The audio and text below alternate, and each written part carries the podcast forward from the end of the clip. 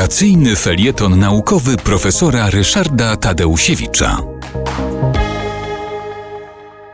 Wieża Eiffla jest symbolem Paryża, jest symbolem Francji, wszyscy ją znają, ale nie wszyscy wiedzą, jak to naprawdę było z jej konstrukcją.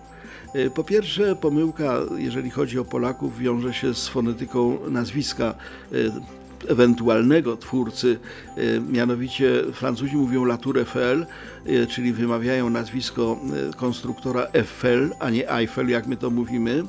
E, A po drugie, to nie on wymyślił, tylko jego pracownik.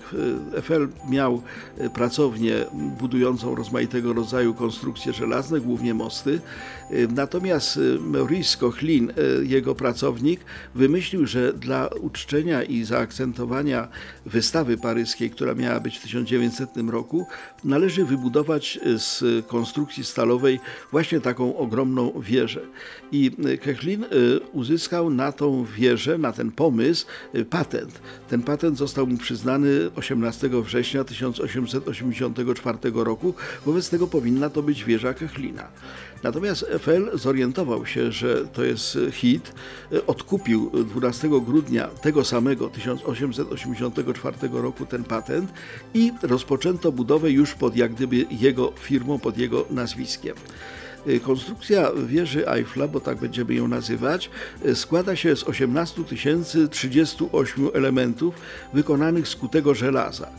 Y, Te elementy połączono za pomocą 2,5 miliona nitów i y, co więcej połączono je tak dokładnie, że po 100 latach, kiedy próbowano tą wieżę y, poddać remontowi, okazało się, że nie wymaga remontu, ponieważ wszystko trzymało się idealnie, wszystko do tej pory działa bardzo dobrze.